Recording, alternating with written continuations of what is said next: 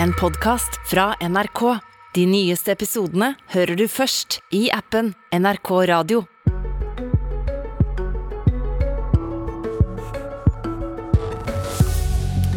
Ola Borten Moe er ikke en statsråd for forskning og høyere utdanning. Han er en statsråd mot forskning og høyere utdanning, påstår Abid Raja. For nå blir det dyrere for nordmenn å studere utenlands, og veldig dyrt for utenlandske studenter som vil studere her. Ja, internasjonalisering av studier det er tema for dagens Politiske kvarter. Mange har fått med seg at eh, forskere, studenter og flere partier i Stortinget reagerer på at utenlandske studenter som kommer utenfra EØS-området, heretter skal begynne å betale for studiene i Norge. Men kuttene rammer altså også norske studenter som skal studere utenlands. Blant annet deg, eh, Sine Skei, du studerer til en master i internasjonale utviklingsstudier, og du er med oss fra Genéve i Sveits. På hvilken måte rammer disse kuttene deg? Dette kuttet gjør jo at jeg nå risikerer å få ja, over 20 000 kroner mer i lån neste år. Eh, det er jo en veldig stor eh, og litt synd overraskelse. rett og slett. Jeg hadde jo regna ganske godt på disse tallene før jeg valgte studiested og kom fram til at dette var et studie jeg hadde råd til, og som jeg kunne ta meg råd til med den mengden lån man får etter et ferdig studieløp. Eh, det er jo kjempesynd at dette kuttet nå kommer såpass brått på. Men altså 20 000 kroner, det høres ikke sånn veldig mye ut når man vet at studielån det kan være på mange hundre tusen etter hvert? Nei, jeg synes jo for det første så det du sier med at studielånene allerede er så høye, gjør jo egentlig at det kuttet blir enda verre. Selv om det ikke er et veldig stort kanskje tillegg i den store pakken, så har det ganske mye å si for den enkelte student. Og Derfor synes jeg det er et litt merkelig kutt egentlig, som er foreslått fra regjeringens side. fordi det er ikke en kjempestor sum, mener jeg, fra et statsbudsjett. Men den påvirkningen det har på den enkelte student, er jo selvfølgelig kjempestor. Og det har veldig mye å si for hvor man velger å studere, og hvor man kan ta seg råd til å studere, og hvem som får den muligheten. Kunne du ha studert eh, internasjonale utviklingsstudier her i Norge? Der er jo faktisk eh, et sånt tilbud her også. Det er jo absolutt mulig, men jeg tror ikke man skal se vekk fra den merverdien du får å dra til utlandet heller. Jeg sitter jo her i Genéve, som er hovedsete bl.a. Man har store FN-kontorer, man har Høykommissæren for flyktninger osv. Man kan bruke lang tid på å ramse opp de organisasjonene, men kunne studere et sted der man får innblikk i faktisk den praktiske hverdagen innen feltet og I tillegg til å ha professorer som må ha jobba innen det feltet. Det er iallfall for meg en utrolig stor merverdi, i tillegg til at jeg må lære meg fransk. Eh, så Det er utrolig mange sider ved dette studiet som jeg ikke ville fått eh, i Norge. Det betyr ikke at det er bedre eller verre, men det betyr at det er annerledes. Eh, og jeg ser iallfall sjøl at det har en veldig stor verdi. Eh, nå er Det sånn at eh, det er lenge siden en norsk regjering har gjort det vanskeligere for vanlige folk å studere i utlandet, skriver studentorganisasjonen ANSA i en kommentar til statsbudsjettet. Og Da må jeg spørre Ola Borten Moe, velkommen, forsknings- og høyere utdanningsminister. Takk for det. Har dere gitt opp troen på at studier i utlandet kan være for vanlige folk? Nei, på ingen måte. Og Norge har fremdeles det som sannsynligvis er de mest sjenerøse støtteordningene eh, for egne studenter som ønsker å studere ut. Og så stemmer det jo at det her er et eh, kutt. Det stemmer jo at det ikke er veldig store beløp, men eh, i et stramt statsbudsjett så er det jo sånn at det er summen av alle større og mindre kutt som til sammen utgjør totaliteten. Eh, så denne gangen var det, nødvendig å stramme inn. Det som er det store bildet, det er jo at man nå får den samme stipendandelen i utlandet som i Norge, altså 40 men eh, studerer man ut, så betaler altså staten 40% av veldig mye mer enn om man studerer i Norge, rett og slett fordi man også dekker tilsvarende av skolepengene.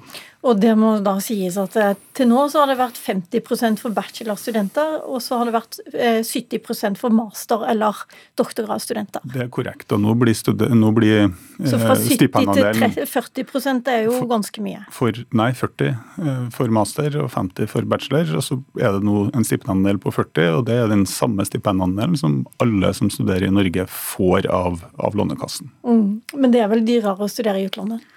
Ja, og det er fordi at det er skolepenger. Nordmenn må jo som kjent betale for seg i resten av verden. og Det er jo derfor vi har denne eh, ordninga, som både gir da 40% stipend, og i tillegg da betydelig mer likviditet, nettopp for at alle skal ha mulighet til å ta det.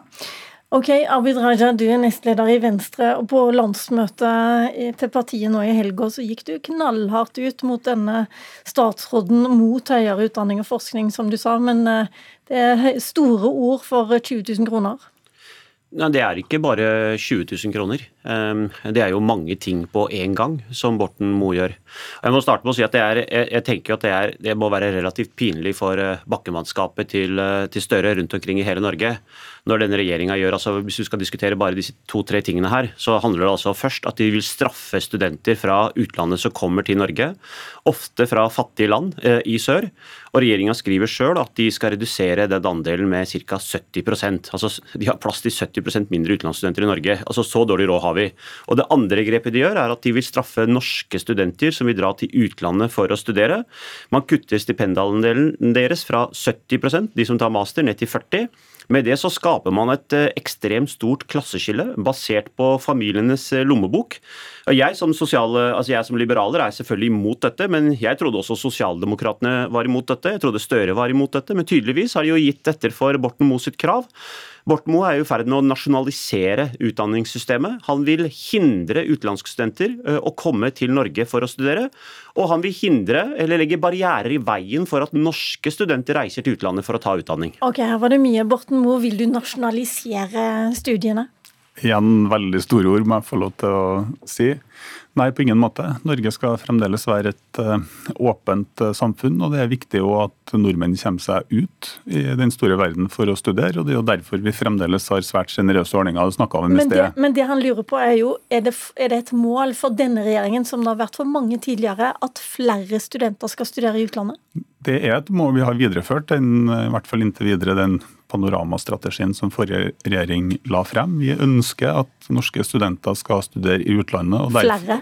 Og der, ja, og derfor så har vi jo både sjenerøse ordninger. Eh, det skal også nevnes eh, for publikum at det viktigste virkemidlet det er jo utvekslingsavtaler mellom institusjonene. Det forstår, forstår jeg at ikke er tilfellet her. Det er jo sånne ting som går delvis utafor det som handler om skolepenger, og som dermed er et annet virkemiddel. Eh, så de fleste vil jo bruke det. altså At institusjonen din har en utvekslingsavtale med en annen institusjon. Og så er det jo endelig sånn at i en verden der alle andre eh, Altså vi er nødt til å betale for våre studenter i utlandet. Da er det etter mitt skjønn også rimelig at de betaler når de kommer til oss. Det er, som langt jeg vet, ingen andre land enn Norge som eh, tilbyr inntil videre gratis utdanning for alle. Ok, men bare la meg, Da har du slått den fast, den debatten har vi hørt i flere medier tidligere om disse utenlandske studentene utenfor EØS som nå skal begynne å betale. Men la oss se på norske studenter som skal til utlandet. Da er det altså fortsatt et mål for denne regjeringen at flere studenter skal studere i utlandet. Så dette skal vi bare se på som et hvileskjær, eller hva skal vi se på dette som? Nei, det her er et uh, reelt uh, kutt. Altså det er endring i ordninga. Eh, det er det ingen grunn til å prøve å snakke bort, men fremdeles vil jeg mene at den ordninga vi har i Norge er en av de aller mest sjenerøse i hele verden, rett og slett fordi at det er 40% stipendandel. Og for det andre så tar staten store deler av regninga uansett hvor du er, uansett hva du gjør. Okay, og så, det, jo, men, men, så, programleder, en, en viktig ting, og det er hvis du drar eh, alene, på egen hånd.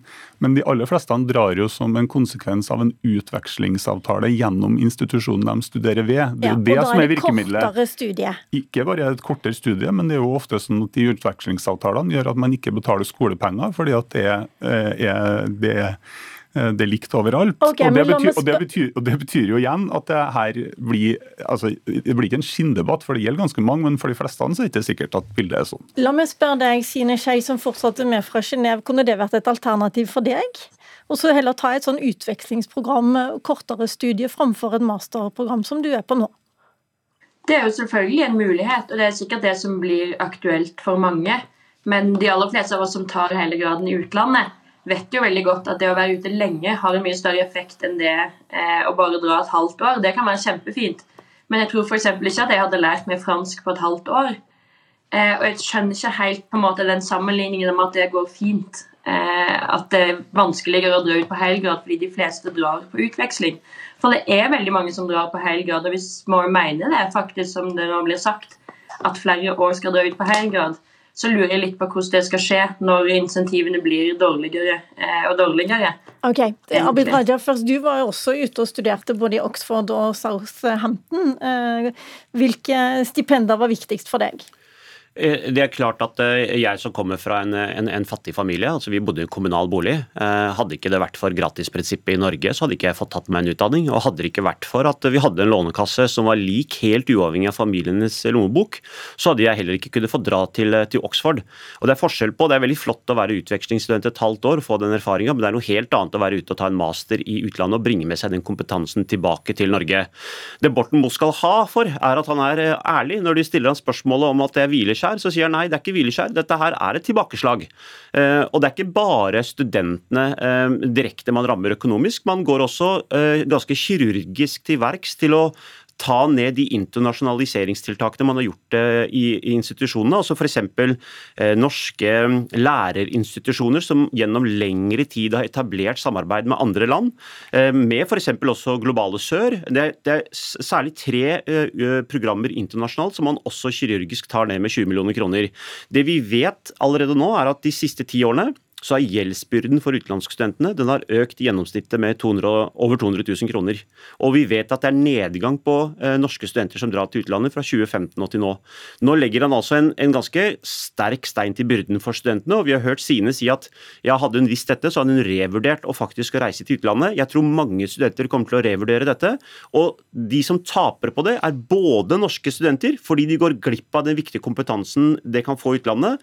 Det er også norske studenter som er i Norge, som går glipp av å ha studenter fra fattige land her som har en annen kompetanse.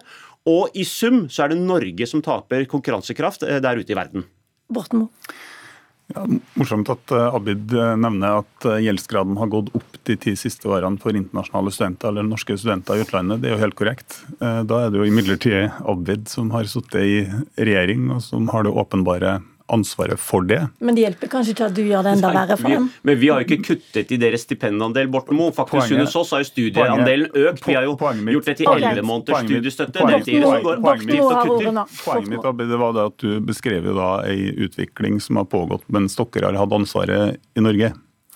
Det må det være lov til å si. og Det den forrige regjeringa gjorde, det var jo også å gjennomføre et kutt det siste budsjettet de leverte, der man tok bort om lag halvparten av de institusjonene som ga en enda høyere stipendandel, altså de aller beste universitetene i verden. Det var frem til i fjor 150.